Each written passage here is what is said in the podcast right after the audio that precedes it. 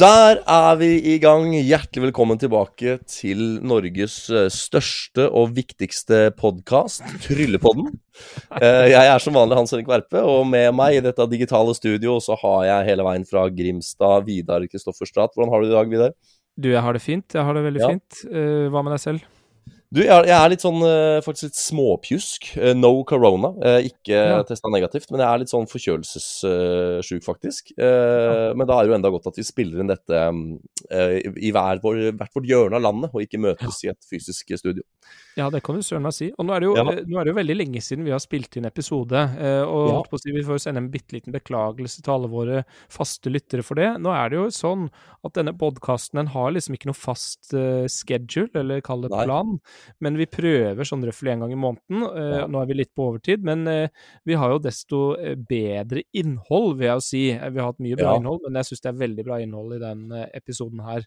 Ja, det er det. Så definitivt. Altså, det er jo så mye jeg gjerne skulle likt å dele. Vi pleier jo å starte denne podkasten med en sånn 'Hva har skjedd siden sist?'-bolk. Og for dere som måtte lure på hva som har skjedd siden sist, så kan jeg, så kan jeg jo for så vidt friste dere med at det har skjedd mye snadder i livet mitt siden sist.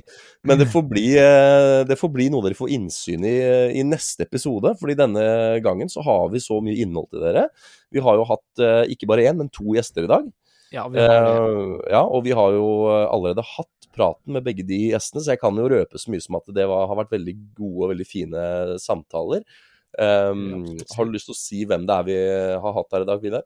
Ja, som vanlig så teaser vi jo uten at det er noe vits, for det kommer jo til ja. å stå i headingen. Eh, det er jo Hans eh, Petter Seker som har ja. Eh, vunnet Fool Us-trofeet. Dette er en stor sak for norsk Veldig. trylling, at det er en nordmann ja. som har dratt igjen det trofeet. Mm. Så jeg sier gratulerer til han også. Vi kommer til å si det etterpå òg, det kan jeg jo røpe. Men vi har da fått en, en liten prat med han med, midt oppi legginga av noen barn, så det får vi bare ja Eh, det får vi bare tåle, at det er litt bråk i bakgrunnen. Det er bare mm. hyggelig, det. Men uh, utrolig bra at han tok seg tid til å snakke litt med oss. Dette er jo ganske ferske news, at han har eh, dratt hjem det profeet. Ja, og det er jo viktig, det er viktig når sånne store ting skjer, at liksom de store, tunge medieaktørene i Norge faktisk er på ballen og inviterer. Så, så det var Dette var veldig kom uventet på både han og oss, tror jeg. Det var vel Vi bestemte oss for å spille inn i dag, og så var det jo også i dag vi fikk vite om dette. Så Hans ja. Petter har kasta seg rundt på kort, kort varsel, og det setter vi veldig pris på. Veldig bra. Og så har vi hovedbolk i dag med eh, Allan Hagen, som jo har vært gjest ja. hos oss før. Men der har det skjedd ganske mye kult i USA, mm. for han bor jo fremdeles der, i, i ja. New York. Og eh, mange ting eh, Det er veldig hyggelig å høre at USA også våkner til liv igjen etter denne pandemien, ja. og masse spennende, eh, blant annet da Klosterman auksjonen, men også litt eh, prosjekt som Allan var med i forbindelse med det. Ricky J-auksjonen og litt ja. ting som havnet uh, Hente i kjølvannet av det, og litt kongress og sånne ting. Så kult ja. å få litt oppdatering ja. hva som skjer der med vår gode venn eh, over dammen. Ja. Jeg tok meg selv i å faktisk bli ganske passiv under den bolken, men det er rett og slett fordi at eh, Allan er jo et utømmelig, en utømmelig kilde til liksom gode historier og på en måte bare kunnskap og liksom eh, Ja, er, så når han begynner å prate om, om, de tingene han har vært med på og opplevd, så, så, kjenner jeg at jeg blir bare som jeg inntar en veldig sånn eh, betraktende lytterposisjon og bare suger til meg framfor å blande meg for mye. For det er rett og slett utrolig interessant å høre det som, som Allan har å komme med. Så, ja, så med den lille introduksjonen her, så tror jeg egentlig bare vi skal gå i gang, jeg, Vidar. Tror du ikke det? Jo, la oss hoppe rett til Hans ja. Petter. Da gjør vi det.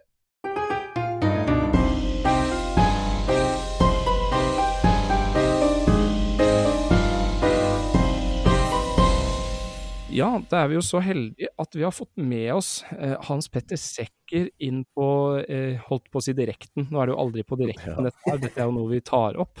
Men eh, det er jo mange ting som er spennende ved Hans Petter. Altså, han er jo en, en renommert tryllekunstner i tryllemiljøet, og, og, spesielt relatert til kort og, og, poker og sånne ting. Nå skal vi ikke snakke så mye om det, men det vi skal snakke om, er at Hans Petter har jo hatt en fantastisk opplevelse. Mm. Eh, Hans Petter, kan du fortelle oss litt om det. Ja, jeg, jeg jeg var jo med på Foolus, eh, Pentel Foolus, for andre gang.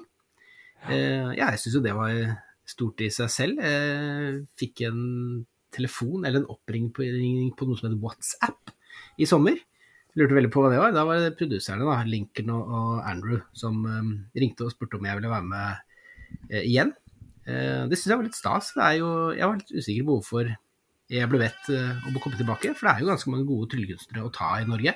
Så jeg tok det som et eh, stort kompliment, egentlig.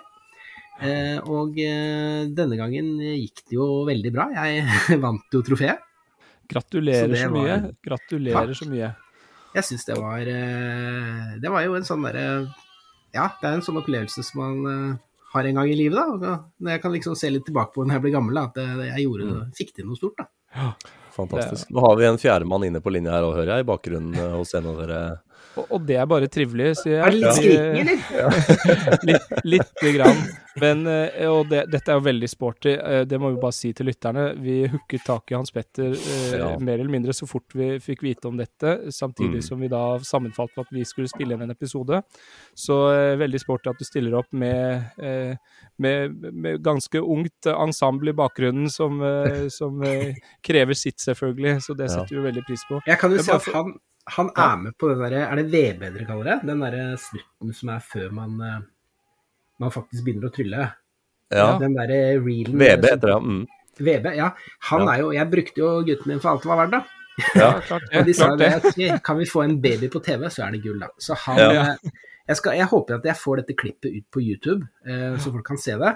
Mm. Men han er jo med i introen der, da. Og eh, ja, ikke gærent. Spiller, vi spiller litt på det at liksom stein, saks, papir, det er sånn der barne, barnespill, da. Og inspirert av han og hele greia, da. Så han ja. TV-stjerne i USA nå. Ja, veldig bra. Men du, Hans Petter, jeg har lyst til å bare spørre, for jeg, jo, jeg, følger jo ikke med. ikke sant? Jeg så selvfølgelig oppdateringen din i sosiale medier i dag om at det var uh, skjedd store ting i tilknytning til Fuglets-programmet. Men jeg, når du er her nå og forteller, og så sier du bl.a. det at du har vært med for andre gang. Og da var lurte jeg på om du kunne på en måte utdype litt det, først og fremst for meg, egentlig, og kanskje noen av lytterne våre, var egentlig For jeg var klar over at du har vært med før. Men er det liksom noe annet denne gangen? Er det, vært, er det en slags finale? Er det en, hva, liksom, hvilken eh, art har denne gang to-deltakelsen hatt? Eh, jo, nei, det er bare at de har jo på en måte Dette er den åttende sesongen. Og ja. noen deltakere eh, kommer tilbake, da. Eh, og det er ja. akkurat som å være med første gangen, sånn sett. Eh, bare at man er en gang til. Eh, men for meg var opplevelsen litt annerledes, fordi første gang jeg ble spurt om å være med, mm. så var det sånn at de det er litt annen type. For de som kjenner norske talenter og sånn, så er det Fugles er jo litt proffere. De booker deg rett og slett til å gjøre en gig, på en måte. Mm. De booker trikset ditt. Eh, så jeg fikk jo ikke velge triks. Det var samme med Mikael. Han fikk ja. heller ikke velge triks. Eh, og jeg sa jo første gangen at det trikset som dere vil at jeg skal gjøre, det, det lurer jo ingen tryllekunstnere. Det er laget for TV. Ja, det var et TV-triks. Ja. Eh, og da ville jo jeg egentlig gjøre det trikset som jeg gjorde nå. Mm. Og eh, det trikset eh, jeg sendte dem det, eh, så skjønte jo ikke de det.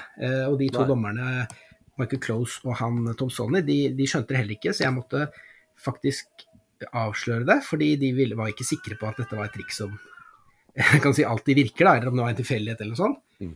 Det var faktisk så vanskelig for dem å forstå, da. Så jeg måtte forklare trikset for å gå videre i prosessen. Men så ble, blei det mye fram og tilbake, og, og til slutt så eh, så brukte vi flere måneder på å diskutere, da. Og da kom jeg ikke med den sesongen jeg egentlig ble bedt om å være med. Aha.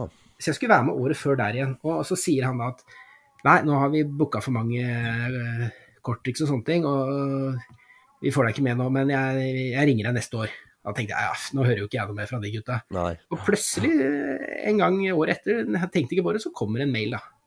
Og da var det han uh, casteren, han eh, Darren Toon heter han vel, som sa ja, nå, nå er det førstemann på lista uh, for neste sesong. Mm. Og da begynte jeg igjen da, med å si at jeg vil heller gjøre dette trikset her. Og så var det mye fram og tilbake, og så tenkte jeg nei, nå må ikke jeg kverulere for mye med de gutta, fordi dette vil jeg bare oppleve. Mm. Ja, det var bare opplevelsen uh, som for meg var viktig. Og da til slutt så sa jeg bare ja, da gjør jeg dette tarot-trikset, og så og så gjorde jeg på en måte alt sånn som de ønsket, da. Mens ja. denne gangen tenkte jeg at hvis jeg skal være med en gang til, særlig hvis jeg skal gjøre det over nett også, da får jeg ikke den turen til Vegas og sånne ting. Eh, så hvis jeg skal gjøre det en gang til, eh, så skal jeg, om jeg ikke vinner, så skal jeg i hvert fall ha ambisjon om å, ja. om å vinne. Eh, ellers er jeg ikke noe Jeg så liksom ikke den store nyhetsverdien OK, ja, bare å være med en gang til, da. Mm. Første gang så var det på en måte opplevelsen. Det å oppleve det Altså, det er jo litt sånn Dra til Vegas og trylle der, det er en stor greie. I tillegg så var det litt sånn nyhetsverdi i det. Men nå tenkte jeg at nå skal jeg være med nå, så skal jeg om jeg ikke vinner, skal jeg i hvert fall gjøre det jeg kan. Så denne gangen var jeg mye, mye tøffere på at, hvordan jeg skal gjøre trikset. Fordi de gutta de er ikke så opptatt av om du vinner eller ikke. Nei. Eh, de sier det er en sånn greie de må gjøre for å få sendt det på TV, så må de ha denne konkurranseelementet. da. Men Mm. de, de vil bare ha god TV. Så de har mange innspill, da. Som jeg forrige gang retta meg etter. Men denne gangen så sa de Det er synd de ikke har sett trikset, for det, det har litt relatert til trikset, men de kom på sånne Det er jo et triks eh, hvor jeg forutsier resultatet stein, saks, papir, og så står resultatet på den, det papiret de holder i hånden. da. Veldig, veldig enkel effekt. Og så begynner de da med å Ja, når de åpner det papiret, så skulle da forutsigelsen være i blacklight. Og så kommer det blacklight på, og så kommer skriften til syne. Ja, veldig bra på TV, men det ødelegger jo For meg så ville det ødelagt hele trikset. Mm. Fordi hva er trikset? Trikset er at jeg hele tida vet resultatet. Trikset er ikke at de åpner papir, og så kommer det en tekst i syne som var usynlig. Altså, keep it simple, stupid. Liksom. Hva er effekten? Det er ingen som kan gjenfortelle hva effekten er. Nei. I tillegg så begynner folk å lure ok, kunne jeg få hva som helst til å dukke opp på den lappen. Ja. Eh, mens tryllemessig så skulle jeg bare Det er det som skal skje. Og så begynner de med også med de propsene, når- de åpner opp eh, Det er en sånn eske der de åpner opp, og der ligger et sammenkrølla papir som ser ut som sånn fyllepapir. da. Men de ville da at det papiret skulle være rullet sammen som et sånn pergament og sånn. Og liksom. Mm. alle tryllekunstnere hadde jo, idet de hadde tatt opp denne boksen, skjønt at der står det noe. Ja. Ja. Ja, og, og den, den fighten måtte jeg ta flere ganger, men jeg var litt sånn at jeg gidder ikke å, å, å være med hvis jeg ikke får gjort det på min måte denne gangen, da. Så, så her, var det, her var jeg litt hard på det, og jeg snakka med han Michael Close og forklarte han at det papiret, det må se helt casual ut. Mm. Det skal se ut som en krølla fyll i den der pakka. Og Ja. jeg fikk gjennom alt, og effekten blei bra. Det var så, eh, Jeg pra- sa det sikkert litt usammenheng her, men jeg pratet med Michael Close, han har en samtale med alle deltakerne. Ja. For han prøver å hjelpe deg eh, ved å komme med sånne ting som kan villede Penn Teller, da. Eh, og det kule var at jeg hadde denne samtalen denne gangen også. Og så liksom eh, Så spør jeg han OK, denne gangen er jeg med for å vinne. Eh, gi, meg noe, gi meg noen tips nå. Og så ser man, meg vet du hva, det er så mange eh, Du har så mange Jeg husker ikke hva han kan, sånne villedende momenter i den, da. ja. Og jeg kan ikke komme på én eneste ting til du kan gjøre sånn. Dette, dette trikset er, er så bra som det kan bli. Det syns jeg var kult å høre, da. Ja, Ja, det er jo verdt det i seg selv, da, tenker jeg, den tilbakemeldingen der. Og det, Det er viktig for, det er viktig for, for, for lytterne å, å forstå. altså Denne Michael Close er ikke noen hvem som helst. altså Han har både skrevet et, et hav av bøker, har også vært mannen bak eh, bakenfor Foolus i, i mange år. Mm. Eh, ekstremt respektert fyr. og Når han på en måte sier det, så, så er det selvfølgelig en fjær i hatten som man skal stappe ordentlig godt på plass i, i mitt hode. altså. Mm. Så utrolig, utrolig bra. Han var jo, forrige, forrige jeg var med, så ga jo han meg noen sånne tips. Eh, det er også sånn at det som er litt Første gang jeg var med, eh, så eh, da gjorde jeg jo et triks hvor kortene er blanke til slutt. Og idet jeg var ferdig, så spør pennen til kan vi se kortstokken. Aha. Og jeg var jo helt uforberedt, så jeg sa ja.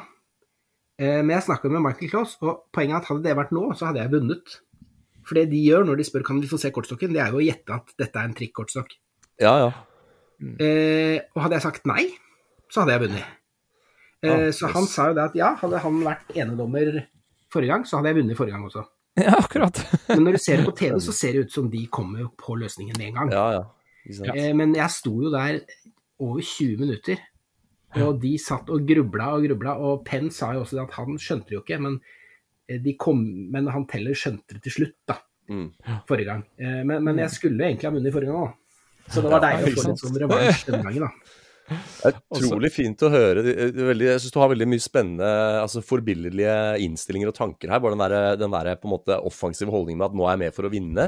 Men også sånn trylleteoretisk, det der du sier om at eh, hvis du skulle hatt sånn blacklight på papiret, da, hva er effekten da? Kan jeg få hva som helst til å dukke opp på det papiret? Ja, og hvis ja, så betyr jo det at da kan du bare vente på å se hva resultatet av stein, saks, papir blir, og så kan du bare via dine magiske evner få det resultatet til å dukke opp på papiret. ikke sant? Så det er en, det er en ganske sånn vesentlig forskjell på om eh, informasjonen bare står der, åpenbart skrevet på forhånd, eller om du tilsynelatende ved magiske evner får skriften til å dukke opp etterpå. da. Ja, for det er liksom Eh. de, han Darren Nei, han, um, han Lincoln og Andrew som er produserne, altså, de er ikke tryllekunstnere. Og de skal lage bra TV, men det er liksom her, er- Hva er effekten? Hvis noen skal gjenfortelle effekten, det er typisk noen sånne eh, Særlig når det er på TV, da. Så skal du kunne gjenfordele effekten veldig greit. De åpna et papir, og der sto resultatet. Mm. Ja. Hva var effekten? Nei, de åpna et papir, og så var det noe skrift som var usynlig blekk. Og så OK, hva var effekten? Nei, jeg veit ikke helt, men det var jævlig kult. Ja. Ja. Eh, du, det er ikke det som er Her er effekten, eller hele litt av greia i trikset, at det er så rett på sak, da. Og så enkelt. Ja. Det er ikke noe props eller noen ting, da. Og da ville jeg ikke ødelegge det, men det, det var ganske Det var en god diskusjon på det. Det var jo også sånn at når de ringte meg, så var jeg litt Jeg sa jo først Jeg sa ikke nei, men jeg sa dette må jeg tenke litt på om jeg vil, fordi Ja. det er jo et live-triks. Mm. Men så kom jeg på den ideen at faen eh, for, jeg skjønte ikke helt åssen skal jeg få til dette, de, de må jo sitte der. Og så tenkte jeg ja, men hvis han, han kan jo ha papiret hos seg. Ja. Ja, Det var ikke helt innlysende, for det trikset gjøres jo på scenen, og jeg gir dem papiret, jeg gir dem steinen eller saksen. Ja. Eh, så jeg, det tok litt tid før jeg tenkte at ja, men faen, unnskyld at jeg banner på, på podkasten. Nei, det er lov. Nei da, vi setter på sånn eksplisitt eh, på alle episodene, så det er bare å Her er bare å si det man vil. Så greier jeg liksom Ok, ja, men vet du hva, hvis de sitter med det papiret, det kan jo han ha foran seg. Eh, og da ble det en kul effekt ut av det. Men, men først så sa jeg vet du hva, jeg må tenke på det til i morgen om jeg, om jeg vil gjøre trikset. Eh, for det er et live-triks. Men, men så, så kom jeg på den um, ideen der, og da ja, da blei det en kul greie. Men det er fortsatt på en måte, det er veldig, det er veldig enkel effekt å forstå. Og det, som er, det er mange tryllekunstnere som har liksom spurt å, hvordan, hvordan gjør du det trikset. Og så prøver jeg å si at vet du hva, ikke, ikke kopier det trikset der, fordi hvis jeg skal bryte ned trikset, trikset i seg selv er jo ikke bra. Altså effekten, hva er effekten? Jeg, forutstiller et resultat hvor jeg har én til ni sjanse for å få det til. Ja, sånn sett, ja. ja. Ja, Ja, hva, hva er effekten hvis du forutstiller kort? 1 til 52. Det, det handler om at det trikset her har jeg gjort Jeg har liksom Hva skal jeg si Forska så mye på det, eller på en måte tenkt så mye gjennom trikset for å få den lille effekten som egentlig ikke, ikke er noe særlig, til å bli så sterk, da. Ja. Eh, Så, så når når jeg snakka med Mi- Mikael òg, når folk sier å, det, det tautrikset hans er så bra Tautrikset, det er ikke noe spesielt med det tautrikset. Som, som Mikael er, det er bare at det er hans ja, Han har gjort det så mange ganger. Han, han har så mye detaljkunnskap om det han gjør. Så er det jeg prøver å si til noen, noen, noen, eh, når noen liksom vil ta dette trikset her, så sier jeg men tenk, analyser effekten. Effekten er jo egentlig utrolig dårlig. Allikevel så syns Ja, men det er jo det. Jeg, jeg forutsier. Jeg har, jeg har over 10 sjanse for å naile det på flaks. Men poenget når, når de åpner det papiret og bare Å, fy faen. Hadde jeg, gjort, hadde jeg bare tenkt på å se på papiret, så kunne alt vært annerledes. Altså, det handler om de der små tankene du gjør da, når du lager et triks, som får dette trikset til å bli så spesielt. Det var jo så, når hun Alison Det var veldig synd de klippa bort det, fordi det første kommentaren til Alison når hun går fra Penn Teller opp på scenen, det er da Hun sier da uh, What's even to consider? Altså, når de er They're gonna consider how it's done. Så bare What's even to think about? It's impossible. Altså, så, og det er, hun har jo sett veldig mye trylling, da. Ja. Eh, men hun syns dette var, eh, var så bra at hun skjønte ikke hvorfor de skulle ha betenkningstid. Ja. Nydelig. Det Så som er jeg, jeg, jeg, må jo si jeg er ganske imponert over at du altså, og, og du kan si altså at det at du var så påståelig på å gjøre det på din måte Nå er det klart, nå hadde du jo den bagasjen at du hadde vært der en gang før. Så som du sier, for deg så var det ikke noe poeng i å liksom bare være med på Fools en gang til, bare for å være med, for det er liksom been there, done that. Men samtidig, det krever ganske mye kalles i Hans Henrik, er det du som driver og børster et eller annet, eller hva? er det? Nei. Jeg som, eh, når, jeg, når jeg prater, så har jeg en tendens til å gå rundt i ring. Så tok jeg Ja, ja, skjønner, ja, ring. Nå skal jeg sette meg ned og holde kjeft. Nei, ja, null stress. Da vet jeg i hvert fall, da har vi kilden. Men eh, nei, det jeg skulle si er at jeg er ganske imponert av at du, at du var såpass påståelig, og hadde egentlig da en Kall det høy grad av artistisk integritet. Fordi eh, de aller fleste, vil jeg tenke, eh, ville jo møte alle disse innvendingene fra liksom the big foolers-apparatet. Som sånn Ja, men selvfølgelig gjør vi det sånn. Eh, ja, ja, ja, null stress, vi gjør det jo bare sånn. men du har jo da en, en visjon og en tanke for denne effekten som du er trygg på og står for det. Og det syns jeg er kjempekult at du, at du får til. Så all honnør til deg på det, altså. Jeg må, jeg må jo si, altså, hvis, hvis andre får tilbud om å være med, så er det jo særlig hvis man kanskje er en ung tryllekunstner og ikke har masse meritter og sånn, da. Eh, og, så, så, så ser jeg ikke noe gærent i at man føyer seg etter det de ber om. Ja. Eh, det var lett for meg fordi jeg, jeg hadde Jeg følte det var stort. Jeg hadde vært førstemann på. Jeg hadde, først, når jeg var med, så var jeg på en måte den eneste nordmann som hadde vært med. Ja. Eh, så nå hadde jeg liksom oppnådd det. Eh, det er ikke sikkert jeg hadde vært så påståelig Hvis jeg ikke hadde det, da Jeg skal ikke begynne å ta æren for at det er sånn. det alltid er det. Men, men liksom så, så, det er jo Jeg husker jo det da jeg var ung, da. 14-15 år. Ikke sant? Noen spurte hva er drømmen, liksom. Drømmen er jo å dra til Vegas, stå der på headliner. Altså, du mm. drar jo dit og står på Penn Teller Theater. enorme scener der, og det mm. enorme apparatet. Og når du er her live, så er det jo publikum på over 1500 mennesker. Eh, jeg ser ikke noen grunn til å si fra seg den sjansen hvis man har, altså. Eh, men jeg er jo på en måte glad for hvordan det gikk nå, for det er eh, ja, Hvis de hadde skjønt med en gang at det står noe på den lappen, så er det ikke sikkert det hadde blitt like bra. Og hvis de hadde begynt med den blacklight-greiene, kan godt hende jeg hadde gitt meg på det, da.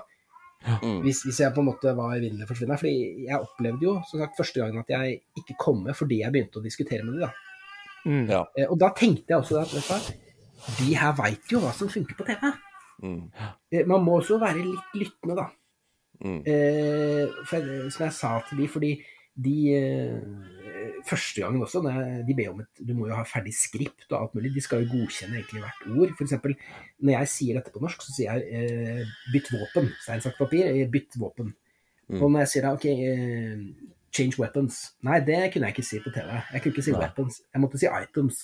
Ja. Mm. Mm. Fordi det var ikke det, det, kan man ikke si på TV. Eh, så, så de har noen sånne føringer, men, men jeg oppdaga det at eh, bra, det de ser som bra TV, er ikke nødvendigvis det beste for deg som tryllekunstner.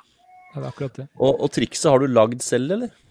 Eh, prinsippet, hvordan det, det, går til, har jeg ikke funnet på. Det er samme som å si jeg har ikke laget uh, Ambitious Card fordi jeg har ikke funnet opp dobbeltliften.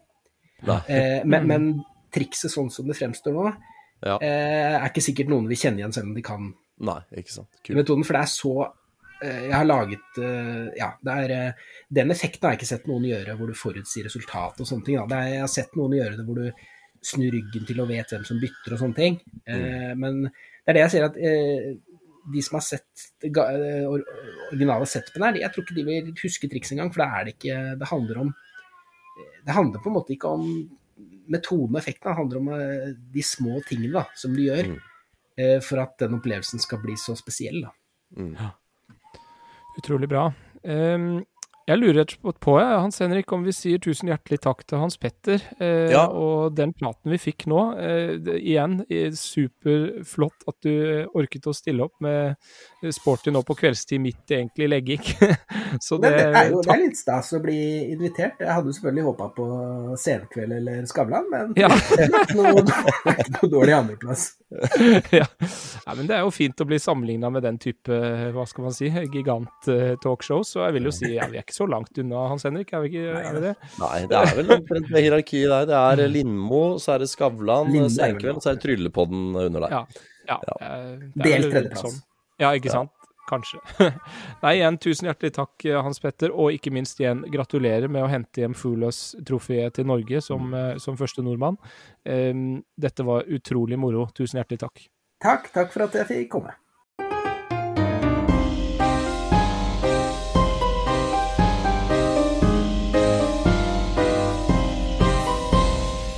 Da var det veldig fint å få et innblikk i Hans Petter Sjekker sin uh, digitale reise over til uh, Las Vegas og Penn and Teller Frueless uh, for andre gang. og vi skal over til neste bolke, Vidar. Ja, det skal vi, og det er jo som vi har nevnt, det er jo Allan vi skal få inn i det digitale rommet vårt her. Og det blir utrolig spennende å høre hva han har foretatt seg den siste tiden. Ja, da hopper vi rett og slett til dagens hovedbolk.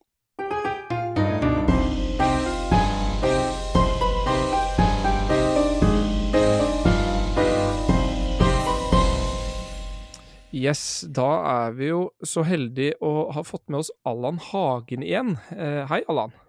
Hallo, hallo. Hyggelig å være her. Hyggelig å ha deg tilbake igjen. Og det er jo nå en god stund siden vi snakket sammen sist. Jeg var imponert over Du nevnte 573 dager, var det det? Altså, du har tydeligvis det, kontroll. Det, det er riktig. Ja, det er 573 dager siden 27. april 2020. Det var forrige gang vi, vi tok opp en episode som Ikke jeg var sant? med i. Glimrende. Og så er det jo sånn at det har skjedd ganske mye spennende siden sist. Så kan vi ta, kan vi ikke ta hele den perioden, selvfølgelig. Men eh, spesielt i det siste så har det jo skjedd ganske mye i USA, hvor du befinner deg, og en del prosjekter som, eh, som du har vært involvert i. Og vi kan jo starte med Closterman, og jeg tror egentlig vi bare gir ordet over til det. Allan, hva er det som har skjedd? Jo, nå skal du høre. Eh, takk, Vidar. Eh, det var en mann som het Ken Clusterman. Han var født i 1933, og han døde i fjor høst i en alder av 87. Og han, eh, han var egentlig, egentlig, mest kjent i lokalsamfunnet som en baker. Han var liksom toppsjef i et, uh, i et uh, bakeri, et svært industrielt bakeri som bl.a. solgt burgerbrød til McDonald's. Ah, og um, nice. han var altså det kjent i tryllemiljøet som en av de største samlerne um, på privat basis av tryllerekvisitter. Og da spesifikt altså vintage tryllerekvisitter, ting som gjerne var litt eldre, da. Uh, og han hadde en, en, samling i huset sitt hjemme på gården der han og kona bodde.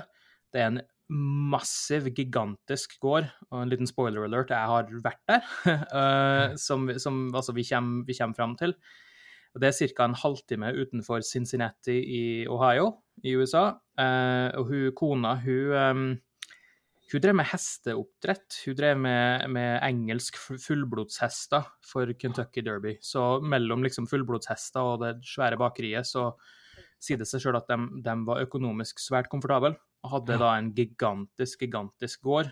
Eh, og i kjelleren der så hadde han bygd da et privat museum som består av sju eller åtte rom mange skjulte, hemmelige dører og mm. altså tusenvis av rekvisitter. Vi snakker titusener av bøker, 30 000 plakater, 5000 rekvisitter. Uh, og veldig mange av de var originale apparater som tilhørte de artistene uh, som hadde brukt det i sine show. Kult. Fantastisk.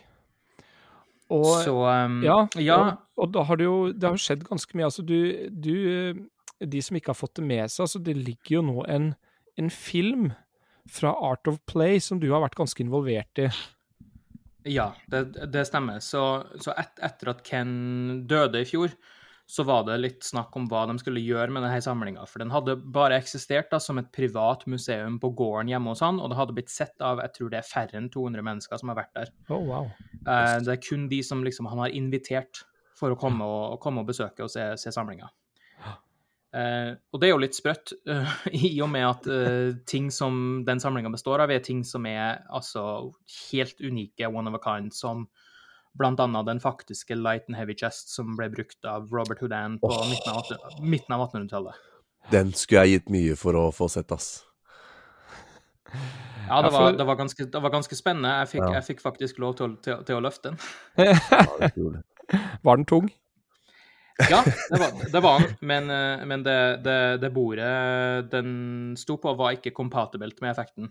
Eh, så det var, ikke, det var ikke mulig å gjøre en, en faktisk demonstrasjon. Ikke sant. Og for de som ikke eh. kjenner til dette, altså light and heavy chest er jo noe som blir i hvert fall fortalt at uh, ble benyttet for å lage effekten av å uh, kalle ta bort um, styrken hos en person. Så man fikk et lite barn opp på scenen som kunne løfte denne uh, kisten, da, så enkelt som bare det. Og så var det en svær, kraftig fyr som skulle liksom prøve på det samme, men da var altså den altfor tung til at han klarte det. Altså da etter at uh, Houdin hadde tatt bort styrken hans ved en eller annen slags uh, magisk formular. Og dette ble vel også brukt som et sånn virkemiddel for å vinne en slags uh, krig, eller litt sånn psykologisk krigføring? Dette vet jeg alt om, for nå sitter jeg faktisk ja. med 'Secrets of Conjuring and Magic' or 'How to Become a Wizard', som er da Jean Eugène Robert Houdin sin bok fra 1870, vel? Ja, Den og vi, skal, vi, må jo pense inn igjen på Klosterman og hva alle han har med dette å gjøre, men akkurat det der er jo litt interessant. for å høre om det. jo, nei, det er Cambridge University Press som i 2011 ga ut, den, eh, ga ut denne boka på nytt, så jeg har faktisk lest den. Det er jo litt sånn veldig gammel bok. Jeg tror jeg har nevnt i podkasten tidligere at det er jo litt sånn unødvendig å gå til primærlitteraturen. Men noen sånne bøker er bare gøy å, ha, å eie og gøy å ha lest. Og i den boka så gjøres det jo rede for nettopp det der stuntet der. At, at uh, Robert Houdin på vegne av den franske regjeringen ble sendt nedover til kolonimaktene for å demonstrere at til, til Algerie, ja. ja. Ja, ikke sant? For å, be, for å demonstrere at oss kødder du ikke med. Se her, vi har ekte trollmenn på laget, liksom, som kan berøve den sterkeste mann for deres styrke. Og det er ikke noe vandrehistorie, det. Det er helt sant, hvis vi skal tro forfatteren sjøl, da. Og nå også da høre at, at den faktiske kassa for, for, det er som man bare tenker liksom sånn Ja, ja, det er vel uh, alt det er vel glemt og, og, begravd i dag, liksom. At den faktiske rekvisitten da, er på et eller annet museum borte i Statene, er jo bare helt nydelig å tenke på. Ja, det er utrolig. Mm, også, men og, ja. også er spørsmålet hvordan, hvordan ble du det involvert i dette her, Allan? Jo, um, for å gjøre en, en, en, lang historie kort Hei, referanse til et show jeg gjorde en gang. um, for å gjøre en, en lang historie kort um, I 2013 så var jeg involvert i dokumentarfilmen Our Magic av R. Paul Wilson og, og, flere andre. Og som en del av introsekvensen i den filmen så hadde de reist til Clusterman for å filme samlinga hans. For å filme sånn såkalte beauty shots da, av uh, de ulike rekvisittene. Uh, opprinnelig så skulle det være meg som dro og filma, men det fikk jeg ikke muligheten til. Så jeg visste at den fantes, denne samlinga, og jeg hadde egentlig hatt lyst til å se den siden 2013. Uh, eh, så i fjor så døde Clusterman, og da var det litt snakk om hva de skulle gjøre med alt det her. Um, Klostermenn sjøl hadde ønska at samlinga skulle auksjoneres, eh, og sånn at den skulle nå andre magiinteresserte, for å liksom sende alt han har samla, tilbake i elva. Eh, og, og, la det fanges opp av noen andre som, som har ressursene og, og, oppmerksomheten og på en måte båndbredden til å ta hånd om det. Eh, så da hadde Klosterman valgt Potter and Potter Auctions i Chicago som er et uh, auksjonshus som er mest kjent for uh, tryllememorabilia, sjøl om de gjør andre ting òg. Men uh, så, da, så, da, hadde Potter og Potter Sjefen for Potter og Potter, han heter Gabe, uh, og han hadde da spurt Art of Play, som er Dan Buck, Dave Buck og Adam Rubin, som vi kjenner fra litt forskjellige ting. Om de kjente noen som, som kunne på kort, kort varsel lage en virtuell omvisning av samlinga. Fordi siden den skulle auksjoneres, så ville den slutte å eksistere sånn som den eksisterte liksom i 50 år. Ja. Eh, så da ville de ha en siste liksom, gjennomgang, da. Så da ble jeg invitert. Spurte om jeg var villig til å fly til Ohio fra, fra New York og, og komme og liksom dokumentere samlinga. Og jeg tok selvfølgelig Jeg sa ja umiddelbart. Eh, og så snakka vi sammen litt om hvordan vi, vi skulle løse det praktisk, da. Eh, og sånn ble det. Så da fikk jeg muligheten til å komme og besøke gården mens de var i ferd med å begynne å pakke ting sammen. Da. Fotografere ting for auksjonene og, og, så videre. Ja. Eh, og da brukte vi to dager på å lage en liten film der Gabe, som kan snakke i timevis om hver eneste lille rekvisitt eh, Vi gikk bare gjennom hvert eneste rom og snakka om egentlig alt. Og så endte vi opp med å klippe det sammen til en film på jeg husker ikke, 12-13 minutter. Men vi hadde, mm. vi hadde jo timevis med materiale. Utrolig kult. Og ja. dette er noe som er tilgjengelig for folk å se. Uh, det er bare på å gå på, på, YouTube og søke på Ken Klosterman, så er det sannsynligvis en av de første videoene ja. som kommer opp. Og... Jeg tror det, videoen heter uh, Ken Klostermans Salon de Magie, ja, The Final stemmer. Tour. Ja. fantastisk. Fantastic. Så bare ja. gjør et søk der, så kan man faktisk inn og se på denne Kall det veldig komprimerte versjonen da, av uh, Klostermann-samlingen. Absolutt. Jeg tror, jeg tror mitt, mitt uh, høydepunkt, hvis vi har, uh, har ett minutt, er um, The Book of Mysteries av Dr. Stanley Jacks, som mm -hmm. var altså da en close-up-kofferten til Dr. Stanley Jacks, forkledd som en bok. Og det var den han brukte når han gjorde tablehopping på, på uh, fancy uh, barer og klubber og lignende i, i, New York for nesten 100 år siden. Den uh, kom komplett med alle hans rekvisitter som han brukte til sin close-up-mentalisme, inkludert en av verdens første peak wallets, originale Jacks Wallet-designet, og kanskje verdens første close-up-matte som da har, ja. da har, blitt brukt for tablehopping. Den eh, boksen altså, den er nesten 100 år gammel, den er helt nydelig. Uh, og Potter og Potter de estimerte at den ville auksjonere for 10 000-15 000 dollar. Uh, og da var det en liten stemme i hodet mitt som tenkte at vet du hva, det her er et så viktig stykke av magi, og den er jo ikke så veldig stor, kanskje skal jeg by? Det er ikke så mye penger. uh, men, men, men så, så, endte den opp med å auksjonere for 96 000 dollar, ja, eller, om, om, eller, omkring da, 850 000 kroner. Uff a meg. Så, ja, det... den, fikk, den fikk en heldig ny eier. Ja, substansielle summer uh, uansett. Ja, det er helt vanvittig. Uh, ja, det er helt sykt, det. Er. Og det kommer vi jo tilbake til, liksom disse auksjonene nå som har vært. Men det er klart, det, det viser jo at det er ordentlig, en ordentlig god etterspørsel etter magisk memorabilia. Og la oss komme tilbake igjen til det, men det har vært noen ganske svimlende summer som har blitt ja, brukt nå i de siste ukene, eller Eh, ja, de siste ukene, med, med tryllememorabilia som da har blitt omsatt. Utrolig kult. Jeg har jo sett litt på denne filmen, og den close-up-matten er ganske interessant. For så vidt jeg forstår, dette er jo en, eh, en stiv sak, ikke sant? Det er ikke en sånn ja, ja, sammenleggbar rulledings. Den, sånn den har ikke så veldig mye padding, nei. Og, og, det er jo egentlig litt uh, kult, holdt jeg på å si, fordi uh, nå i mange år så har jo disse uh, gummimattene med liksom mykt, myk topp vært veldig populære. Men det aller siste så ser jeg mer og mer av disse som har blitt avstivet. Så de har kommet egentlig litt tilbake, den derre designet med en helt stiv close-up-matte, men dog med ganske mye mer padding sannsynligvis, men, men som er helt ja. sånn stiv.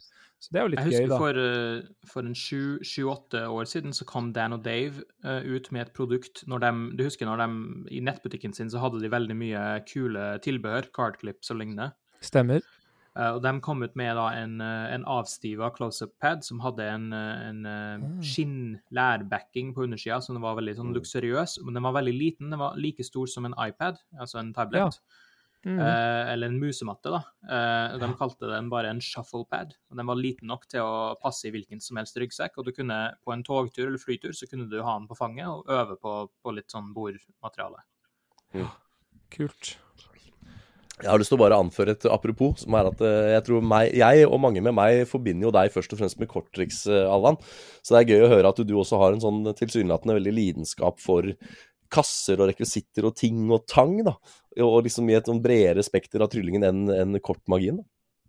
Jeg jeg er interessert i, i, alt innenfor trylling. Eh, egentlig Jo mer nisje eller jo særere, jo mer er jeg interessert i det. Eh, jeg er veldig interessert i kort og fingerferdighet og den historikken bak det, fordi at det var veldig, sånn, det var veldig tilgjengelig for en, for en, tenåring fra Trondheim, på en måte. da. Men etter hvert som jeg ble liksom eldre og så mer, så, så, fikk jeg mer interesse for det bredere spekteret og his, historien bak det. Og jeg mener at uh, kassetrylling og, og absurd scenetrylling og Jeg mener at det har veldig mye meritt. Det, det, det, gjelder bare å finne liksom den riktige framinga på det. Ja. Det er morsomme bare noen refleksjoner der også. og det Eh, vet ikke om du kjenner til Hans Henrik, men Charlie Miller eh, var jo en av de virkelig store kortmenneskene i USA, som var i kalle sfæren rundt Di Vernon, blant annet. Blant annet hans uh, second deal er på en måte berykta. Men det jeg har blitt fortalt i senere tid, og også sett noen filmklipp, er jo at Charlie Miller var en uh, apparattryller av rang. Ja. Altså, uh, fantastisk god apparattryller. Dette kan du kanskje bekrefte eller avkrefte, Allan? Uh, ja, uh, Michael Webber, uh, som var en av Charlies på en måte mentorbarn, skal vi si. Ja. Han møtte vel Charlie da Webber var 13-14-15 år gammel. Um, og han kommer vi også tilbake til senere i episoden her. Um. Men han, han, har fortalt meg blant annet at en av Charlies favorittriks var det her paraplytrikset. Med de her, du har den, den para, para, paraplyen som, har, som ikke har noe tøy på. Og så er det silketørklær som forsvinner, og så er de på ja. Han, han, var obsessed med alle mulige variasjoner av det trikset. Eh, og en av hans favorittvarianter var en versjon som brukte en liten sånn cocktailparaply ja. og små sigarettpapir som forsvinner, og så dukker opp da på den her cocktailparaplyen. Det er jo helt utrolig. Eh, for dette tror jeg mange i tryllemiljøet ikke er klar over. Men Charlie Miller, altså en, en rev på på eh, apparattrylling. Her skal du få en, en tryllepodden eksklusiv, og det er at eh, jeg, jeg samler på Tenjo-triks. Og ja, ikke sant? Absolutt, nice. jeg, er, jeg, er vanvittig interessert i dem. kult. Og det, for de da som ikke kjenner til det, Tenyo er jo en jeg ja, vil si kanskje legendarisk produsent fra Asia. Er det Japan det er, tro? Ja, det er Japan. Eh, som, eh, som, lager veldig mye greier som ja, kan, fremstå som nesten litt tacky. Altså det er, det er mye plastikk, det er liksom ganske enkle ofte, greier. Ofte, ofte, fargerike og plastikk, veldig. og det er ofte veldig, veldig enkle, men smarte mekanismer. Ja. Eh, og så er det også veldig hit or, hit or miss. da, Det er sånn 50-50. Det kan være forferdelig, eller så kan det være noe av det beste magien du noensinne har sett. Her viser du nye sider, Allan. Jeg føler at det at Allan Hagen samler på Tenjo-triks, det er liksom som at Eivind Hellstrøm egentlig liker å gå på Mækkern i helgene, skjønner du. det er jo helt nydelig. Her kommer sannheten si. frem. Det kan du si. Og så tror jeg også selvfølgelig, det var et litt sidespor dette med Charlie Miller, apparater og, og den biten der, men, eh, men, det som er åpenbart en, en sak, det er jo at uh, Grunnen til at Alan blir involvert også i disse tingene, er jo at eh, han har en lidenskap og en kompetanse, ikke minst innenfor film, eh, som, eh, som, gjør at han er en uvurderlig asset inn i disse eh, sammenhengene. Så, og du har vel gjort en del andre ting også? Eh, for, har du gjort en del også for Dan and Dave, kanskje? Det stemmer, Vidar. Um, ja. takk, takk, forresten. Veldig hyggelig å høre. Um, uh, ja, jeg har jo min, min, formelle utdanning er jo innen film, så jeg tok en filmutdanning. Uh, og etter det så jobba jeg i filmindustrien i noen år. Jeg laga en del musikkvideoer, kortfilmer, eh, både fiksjon og, og doku. Eh, og så begynte vel egentlig det å, å, blandes med magien. Så da gjorde jeg en del prosjekter med Dan og Dave. Vi lagde en svær Cardistry-DVD for 10-11 år siden. Vi gjorde masse masse kortformat. Papercuts, for de som ikke har sett det. Nettopp. Vi gjorde en um, en dokumentar i 2013 som het Our Magic, som jeg var ganske involvert i. Um, og den anbefaler jeg Ja, unnskyld at jeg avbryter, jeg bare jo, må nei, si det. det er, fortsett. Ja, det er en fantastisk film. De som ikke mm. har sett den, det er bare å se den med en gang. Er du, er du det minste interessert i trylling, så se den. Jeg har sett den sikkert ja, nå, nå tror sikkert noen skal si 20 ganger, men jeg har ikke sett den så lenge. Jeg har sett den kanskje fire-fem ganger, tenker jeg. Og jeg blir, jeg blir alltid rørt av den filmen. Og det handler jo om uh, at, at, jeg er jo så glad i, i trylling og lidenskapelig opptatt av det. Men hvis man ikke har sett den, er det bare å få gjort med en gang. Sorry, Allan, bare fortsett. Nei, for all del. Tusen, tusen, takk for at du nevner den filmen igjen. Jeg blir, jeg blir veldig glad hver gang den uh, på en måte blusser opp litt igjen, og folk snakker om den, og folk har, har sett den. For den, det, betydde så utrolig mye å liksom, være med på å lage den filmen. Uh, bare få en sjanse til å møte så mange av de her menneskene og fortelle historiene deres. Eh, jeg gjorde, jeg gjorde vel egentlig det som kalles second unit-foto på, på, den, så jeg filma noen mindre, mindre, sekvenser som ble en del av den større filmen, og så var jeg involvert i, i hele etterarbeidsprosessen. Eh, men jeg har gjort veldig mange spennende prosjekter, altså fra, fra fra det til svære internasjonale magi-videofilmprosjekter, om det var magi eller cardstree, eller om det var en trailer for boka til Hans Henrik, så, så, ja. så har jeg gjort det. uh, så, så det, var, det, er en naturlig assosiasjon, da, at jeg er kjent for en som Kjent for å være noen som på en måte blander film og, og foto med, med magi. Mm. mm. Kjempekult. Og så har jo nå denne Klostermann-kolleksjonen eh, gått under hammeren, som det heter. Og nå vet ikke jeg, er hele kolleksjonen solgt, eller er det deler? Det har jeg faktisk ikke helt oversikt over. Eh, så det var, det, var, det var, del én, da. Det var, ja. um, de uh, laga jo en katalog som jeg, jeg har i en veldig fin Den, er, den har bundet, da, en hardback-bok med, ja. med tøy, tøyomslag. Den er skikkelig premium og nydelig, med fantastiske bilder av det som gikk under hammeren. Og det var altså da The Clusterman Collection Part One. Nettopp. Eh, Gabe fortalte meg at uh, Jeg vet ikke hvor, hvor hemmelig det er, ikke, men det, det, det blir nok en fire, fem, seks, sju deler. Ja, ikke sant? For det er jo så mye. Og det, kom, og det kommer til å ta mange år. Uh, mm. og Nå har jeg bare unnlatt å nevne det her, da, men huset uh, er jo én ting. Og alle de rommene og hemmelige dørene og hemmelige gangene og den heisen, og det er jo liksom én del. Men han, han, hadde også et sommerhus som lå 45 minutter nord for der han bor. Uh, og det huset er en gammel sånn sørstatsmansion. det ser ut som nesten som en sånn plantasje. det tilhørte Ulysses S. Grant for okay. 150 år siden. Eh, eh, som var en, eh, en, en, av USAs tidlige presidenter. Eh, og så eh, tilhørte det nå da Clusterman og, og, kona.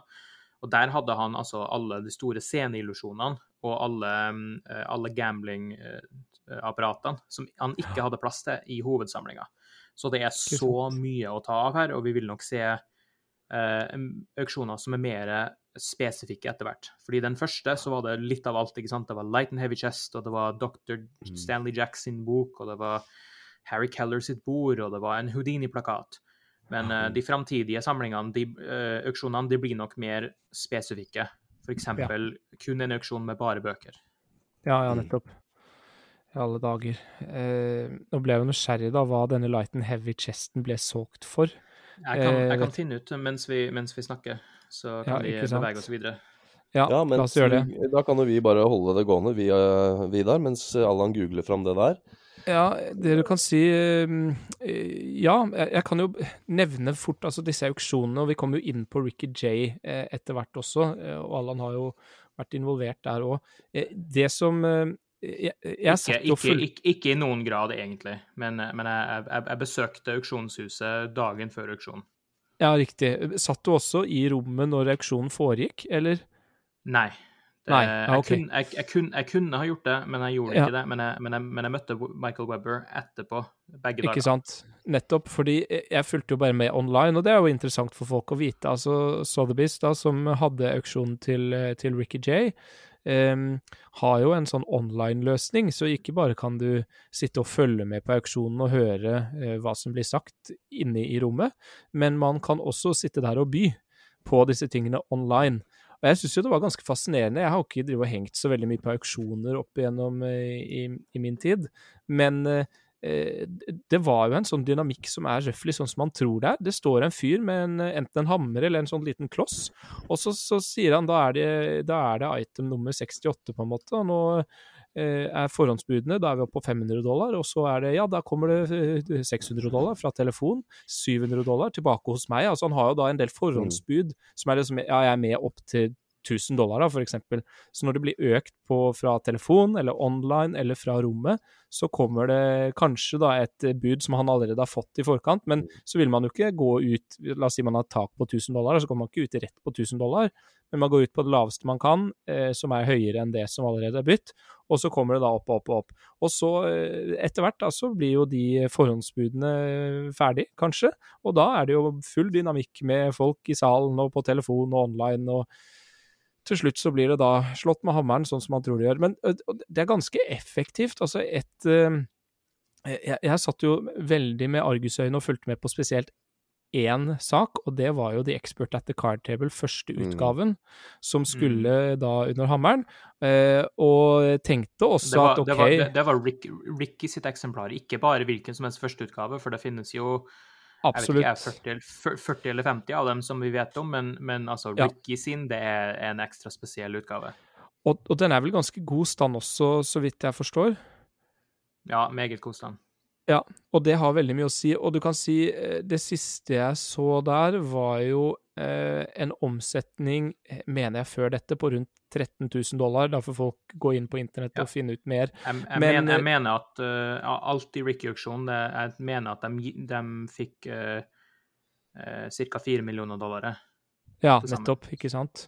Ja. Og, og, men jeg så da selve Erdnace, altså Expert at the Card Table-boken, gikk da for eh, 15 000 dollar i denne runden. Og da er det X, altså utenom de avgiftene som du må betale da til Sotheby's, og jeg mener det er rundt 26% så det ble over 18 000 dollar. Mm. Så, så, så, det er jo helt enorme eh, summer. da. Tenk, dette er en bok som du kan få innholdet i for en dollar eller noe sånt på, mm. på, eh, på, på nettet som en sånn e-bok. Den er vel, den er vel public domain, altså du kan få ja, det er, det er faktisk sant. det. Nå er det 1902, ja, så da er det jo eh, sånn at den kan man bare inn og, og, lese, faktisk. Og papirutgaven koster jo nesten ingenting. Men det er jo selvfølgelig historien og det å kunne ha en first edition av denne som er da megainteressant. Men uh, uten å avsløre for mye, det var ikke jeg som kjøpte den. Selv om det var Det var uh, Filleren, det hadde vært moro å ha, men samtidig så har jeg også tenkt på det. Hvor skulle jeg hatt den? Jeg måtte jo rett og slett hatt den i en safe, og så måtte jeg eh, Altså, plutselig så kommer en av ungene, da, og så sier du 'pappa, jeg har bare tatt den tusjen her og tegna litt i den boka di', ikke sant? Hva, ja, ja. Så, så det, det, det, tror jeg ikke hadde vært noe særlig greit. Det, det, er bomullshansker og bankboks som gjelder, Så. Ja, men ikke sant? Så ja. Jeg vet ikke hvor mye glede jeg hadde hatt av å ha den, men det, det, er gøy å se da jeg var jo samme, på Samme gjelder jo den eh, nye eieren til Light and Heavy Chest, hva enn han, skal, han eller hun skal gjøre med den. Um, Eh, Potter Potter hadde estimert at den ville gå for 50 til 100 000 dollar. Det var et veldig svært eh, vindu, men det, den, bare, ja. den, har aldri liksom gått under hammeren før, så den visste, den visste, ikke hva den ville gå for. I hvert fall ikke i moderne tid. Eh, den endte opp med å gå for um, 156 000 dollar, eller 1,4 mill. Uh, norske.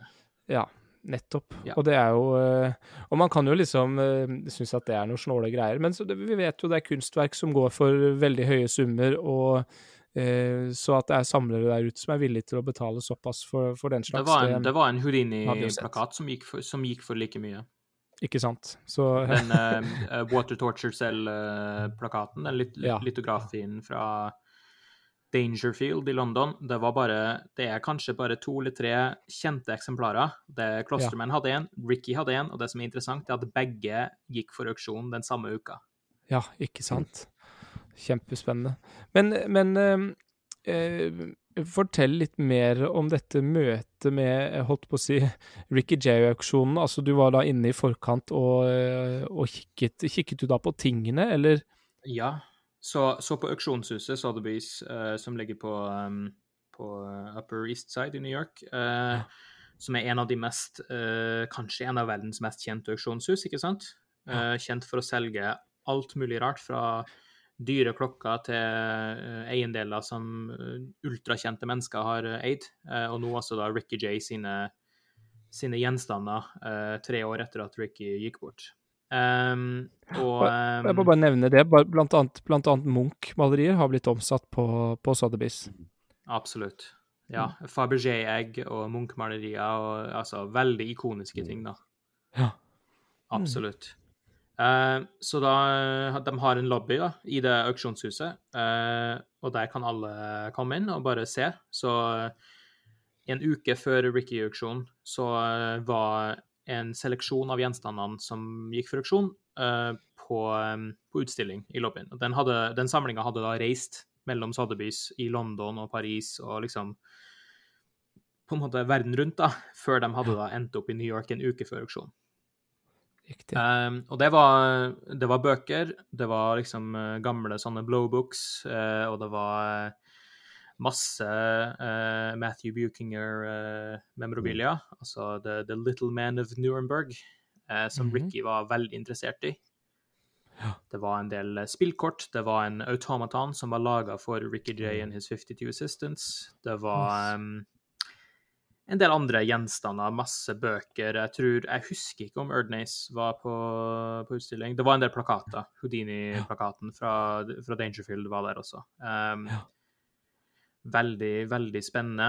Eh, og jeg hadde ikke mulighet til det pga. jobb, men eh, ellers så hadde jeg selvfølgelig vært der også på dagtid under, uh, under auksjonen. Jeg hadde mange venner som var der. Uh, jeg hørte fra Michael Webber at eh, bl.a. Bill Kalush var der, og jeg vet garantert at en person som brukte masse penger både hos Clusterman og hos uh, Sotheby's, det var David Copperfield.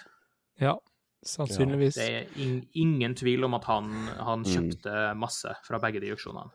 Ja. Apropos samlere, liksom. Han har vel en ganske ja, nevneverdig samling sjøl, han også. Det er en fantastisk Segway. Han har en uh, ja. ja, kjør på, Allan. Nei, han har, en, han har, en, gigantisk samling i en hangar i Nevada uh, som er um, Den har en butikkfront som er forkledd som den uh, klesbutikken som faren hans eide da han vokste opp i New Jersey. Uh, og Når du går gjennom den klesbutikken, da, så er det som en speakeasy. Uh, og Så kommer du da inn i det faktiske museet, som bl.a. har en én-til-én-skala uh, rekonstruering av den originale Tans-butikken. Med de samme diskene og de samme lysene. Og liksom, ja, det er helt sinnssykt. Og, og, bare en liten uh, side note der. David Copfield har jo nå kommet med en bok som han har skrevet sammen med Det er vel han og Richard Wiseman, tror jeg. Uh, skal jeg se, jeg har den jo foran meg her, så jeg kan jo faktisk bare sjekke det med en gang. Uh, David Copfield, Richard Wiseman og David Britland. Og denne boken er jo egentlig Eh, hovedsakelig fotografier fra hans sitt museum, og så er det da skrevet en del rundt magiens historie, som er da relatert til de tingene som han har i sitt museum. David Copfields 'History of Magic' heter boken. Den er absolutt å anbefale hvis noen er interessert i en litt sånn lettbeint introduksjon til tryllehistorien, med veldig mye flotte bilder. Fotografert av, eh, av Homer Lewag, faktisk. Stemmer, stemmer. Ja. Copperfield sin holdt på å si høyre eller venstre hånd, jeg vet ikke hvem av de som er eh, venstre. Det er, vel, det er, vel, det er vel, det er vel Kenner på høyresida og Lewag på venstre, kanskje? Ja, nettopp, vil jeg kanskje også tenke. Det er veldig bra. Men, eh, og, og, så er det jo da, i, i kjølvannet av denne Ricky J-auksjonen, så får du en ganske kult, et kult møte, sånn jeg forstår det. Hva er det som skjer? Um, nei, uh, det er jo Michael Webber uh, som er en av mine favorittmennesker uh, noensinne. innenfor trylling, men altså utenfor trylling. som jeg har vært heldig nok til å, til å få treffe en del, en del, ganger opp gjennom årene. og hver gang vi, vi, møtes, så har vi bare et eller annet vi kan prate om, en eller annen idé som kan fortsette. Jeg vil ikke, jeg vil ikke si at det, det føles som en hvilken som helst annen session. Det er ikke samme stemning som når f.eks. Vidar og jeg setter oss ned og, og kan ha en liten, liten session. Det er, det er, vel egentlig mer Webber som kjører løpet, men det er heller ikke en det er heller ikke en, liksom, en sånn mentorløsning. Jeg vet ikke helt hva det er, men, men det er en mulighet, i hvert fall, da, til å tilbringe tid med noen som det går an å lære så vanvittig mye fra. Og jeg tror for meg så føles det litt sånn som det føltes kanskje for Webber, når han fikk tilbringe tid med Charlie Miller og, Ricky J når han var, når han var ung. Veldig kult. Eh, så jeg fikk sjansen til å, til å treffe henne i New York. Vi gikk ut til et par restauranter og en diner og begynne å snakke om et par ting, og så plutselig så må han be om to rene glass og, fra en kelner, fordi nå har han en idé, og så og så uh, blir jeg rundlurt, og så uh, kanskje deler han noe, eller kanskje ikke. Uh, og så snakker vi litt om andre ting. Det var bare vanvittig godt å liksom føle at man kan ta del i magien igjen etter liksom ett og et halvt år med så mye isolasjon og så mye liksom så et, det, har vært, det, har vært veldig, det, har vært 500 veldig rare dager, for å si det mm. sånn. Eh, så nå som ting begynner å skje igjen, da, spesielt oktober, som var en så tettpakka må, eh, måned, for, for, min del i hvert fall, med Clusterman, og så dro jeg på Buffalo-kongressen midt, midt, i oktober, som vi ikke har eh, snakka om, eh, og så Ricky J, auksjon og Michael Webber og alt det her på tampen av måneden. Så det var en veldig sånn veldig rik, innholdsrik måned, som er, som er veldig, veldig kult. gøy. Og, uh, og, jeg ser jo, jeg har jo notert det ned og satt nå akkurat og satt en liten ring rundt denne Buffalo-kongressen, fordi vi ble jo egentlig enige om å ta den mellom uh, Clusterman og Ricky J, for det var det som var kronologisk rekkefølgen. Men fortell oss litt om den, uh, Allan. Den er nok ikke så kjent for, for vårt norske, vår norske lytteskare. og det Nei. ja, så kjør litt på med den. Um, så det er, en, det er en liten kongress som heter Buffalo 52, eh, eller The Buffalo Get Together. Den organiseres i Buffalo i delstaten New York, som er veldig langt fra New York City. Fordi New York er en ja. delstat som er så svær at den strekker seg fra um, Atlanterhavet i uh, sørøst til Canada-grensa i uh, nordvest. Så um, uh, Buffalo er vel ca. en time å fly fra byen eller fem, seks, sju timer å kjøre. Så det er ganske lange avstander. Det er vel, det vel ca. Oslo-Trondheim, vil jeg tro, hvis Akkurat. vi skal snakke, snakke avstand. Um, og i Buffalo, som er en liten by, det er vel jeg vet ikke, 300 000-400 000 mennesker som bor der. Um, der har de en kongress som har blitt arrangert uh, hvert år de siste 25 årene, med unntak av i fjor, av åpenlyse grunner. Mm. Den ble arrangert av to lokale tryllekunstnere en som heter Randy DeMarco en som heter Dan Block. Eh, og de har da pleid å invitere 52 tryllekunstnere, close-up-magikere som regel, til å komme og liksom lage en liten kongress. da. Så det har ofte vært veldig mange deltakere fra Canada. Mm. Fordi Canada-grensa er 20 minutter fra Buffalo, så det er mange som liksom bor i Toronto og lignende, lignende deler av uh, lignende provinser, som bare da kan kjøre til Buffalo uh, for å besøke. Um, I år så var det en litt annen, litt annet opplegg, fordi det, det var fortsatt en det såkalt travel ban mellom USA og Canada, mm. som fortsatt mm. var aktivt på det tidspunktet da den Buffalo-kongressen ble arrangert. Eh, og, eh, så da var det vel kanskje 25 eller 30 deltakere, og det var stort sett fra USA. Det var et par fra, fra noen land som ikke har eh, reiserestriksjoner til USA, eh, bl.a. Brasil. Eh, de har hatt veldig mange spennende headlinere gjennom årene, da. Fra Paul Cummins til Bob White, Earl Nelson, Bill Goodwin, Ernest Eric, Gary Plants, Gasso, og mm. uh, kanskje enda mer nylig, i 2014, hadde de Gabi Pareras. Oh, wow. Eh, nice. Så lectures i år, det var Mark Calabresi, som eh, bor i New Jersey. Eh, det var Bernardo Sedlacek fra Brasil, og Mike Gallo, som er mm. sønnen til Lou Gallo, som eh, Richard Coffman skrev en bok om eh, for ganske mange år siden. Ikke sant? Eh, så det var veldig, veldig spennende. det er veldig, en veldig avslappa low-key kongress. Altså, den er, det er sånn magiske timer, men enda mer avslappa. Så det er liksom eh, Folk henger i en hotellobby, og så drar de til en restaurant og sessioner litt, og så er det en eh, et par, lecture, par uformelle lectures, men det er stort sett bare jamming og sessioning. Eh, litt sånn uformell dealer-hjørne. Det er to netter, tre dager, en del måltider Eh, folk drar som regel til en bar når det begynner å bli seint, eh, så ser vi hvor lenge folk varer. Spiller litt biljard, gjør litt korttriks for andre lekfolk som er på den samme baren. Eh, generelt bare ekstremt god stemning. Høres veldig bra ut. Og det er også godt å høre at liksom kongressen har kommet i gang igjen. Altså i hvert fall i USA så er jo inntrykket at det egentlig er ganske mange kongresser eh, gjennom et år. Og så ja, er jo selvfølgelig USA det det, altså. et, eh, et, en gigantisk nasjon sammenlignet med Norge, og, og, man må kanskje heller liksom sammenligne kanskje USA med Europa. Men, men uansett, det, må, det, det, er jo ikke noe greit når det er sånn tørke sånn som det har vært nå.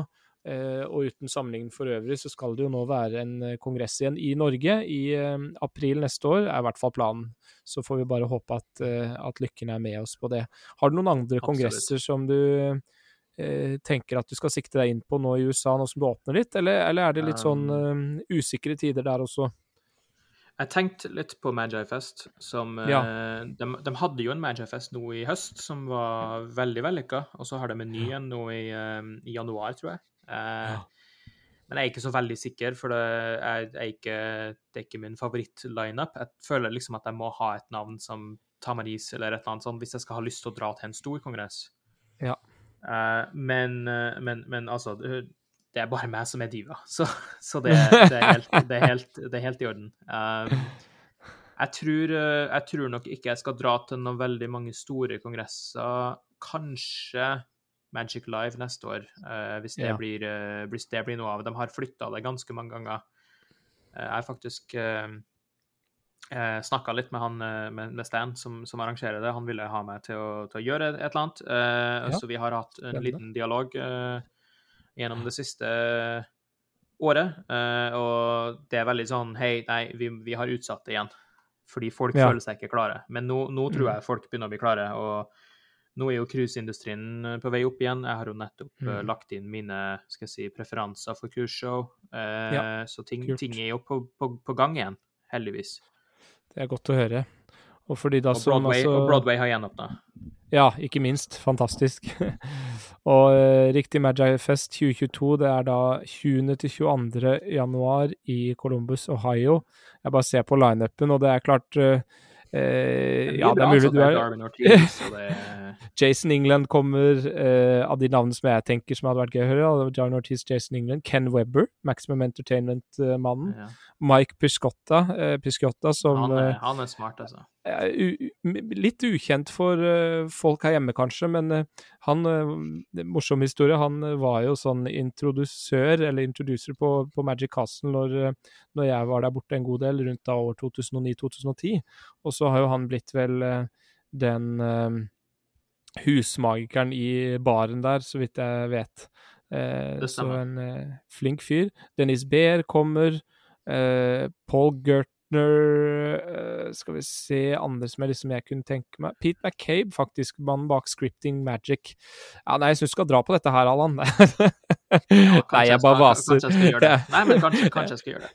Det, det, det er ganske, ganske, bra timing. Det er ikke så mye som skjer for meg i januar, så Nei, nei, også, men, men, for de aller, aller, fleste vil jo dette være Men, men åpenbart, du, eh, du, har jo et nettverk eh, og en, eh, en, preferanse som er på en måte med en litt annen standard, så, så Nei, det, det, blir, det blir litt, litt, litt, feil å si det òg, men, men, det er bare litt sånn Det har ikke vært så mange kongresser de siste liksom, to årene for min del, og det har egentlig gått greit. Jeg føler at det, ja. det, er ikke, det, er ikke det jeg savner mest i verden. Jeg savner mer å gå ut og ha et måltid med, med fem virkelig gode venner.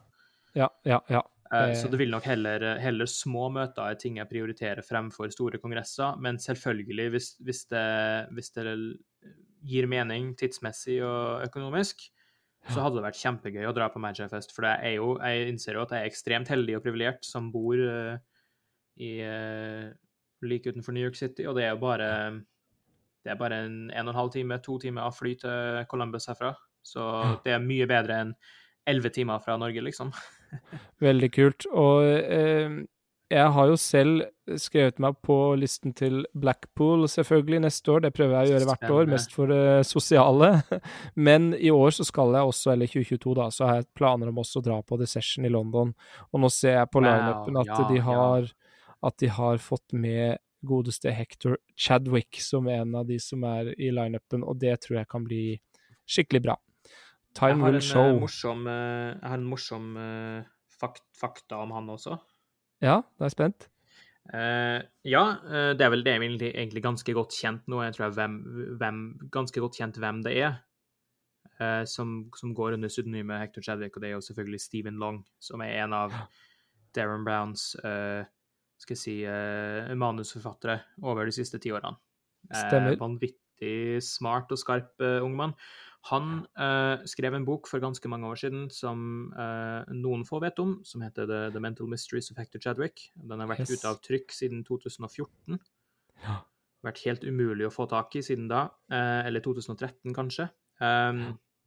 Og det er jo nå, da Jeg har jo sett litt snakk om det på, på forum og og lignende. Det er, det er, vel ingen spoiler alert å si at den, den boka den blir, den blir gjenprinta eh, ja, via Vanishing fantastisk. Ink i en ja. ny, revidert versjon. Eh, og der har ja. undertegnede faktisk bidratt til det også. Ja, fantastisk. Eh, det blir spennende. Eh, Steven han, han, skrev til meg i, midt i pandemien, kanskje for et, års, et, et og et halvt år siden, et år siden eh, og snakka om en spesifikk effekt der, som er med røde og sorte kort. Uh, The Reds and Blacks. Uh, og han hadde da sett meg gjøre min variant av den uh, en gang vi møttes for et par år siden, og han ville gjerne skrive opp den som en del av den boka. Så det var utrolig gøy å bli mm. spurt om det. Ja. og jeg er bare spent, litt bitter, fordi den boka har vært en, en sånn en, liten golden nugget som vi har holdt for oss sjøl, men også ekstremt glad for at flere magikere nå kan få adgang til den mm. boka uten å måtte liksom gå på eBay og betale en nyre. Ja, det er akkurat det. Fantastisk. Um, jeg tror vi rett og slett sier uh, tusen hjertelig takk til Allan. Eller hvis ikke du har noe mer på tampen som du tenker at det er viktig å plugge inn her på slutten her? Ikke egentlig. Jeg bare føler at det har vært uh, uh, The Alan Show. Jeg vil, vil, jo egentlig veldig gjerne, gjerne, høre hva som skjer med dere i, i Norge også.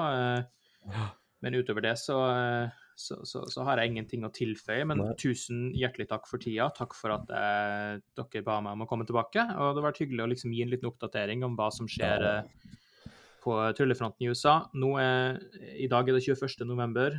Eh, den 8. november så åpna grensene igjen. Så hvis man er, ja. hvis man er, hvis man er vaksinert og man har et et ESTA eller et visum til USA, så kan man nå reise som turist til USA igjen, uproblematisk. Ja. Så hvis det er noen, noen nordmenn som har tenkt seg til New York City eh, i den nærmeste framtid, finn meg, ta kontakt med meg. Hvis jeg er mm. hjemme, så kan vi sikkert finne på et eller annet. Utrolig ja, hyggelig å ha deg her. Altså. ja. ja. tusen hjertelig takk, Allan. Eh, og så skal vi ikke se bort fra at vi ikke snakkes om eh, så altfor lenge. Det er altfor lenge siden vi har sett eh, hverandre i levende live, så det hadde vært veldig koselig.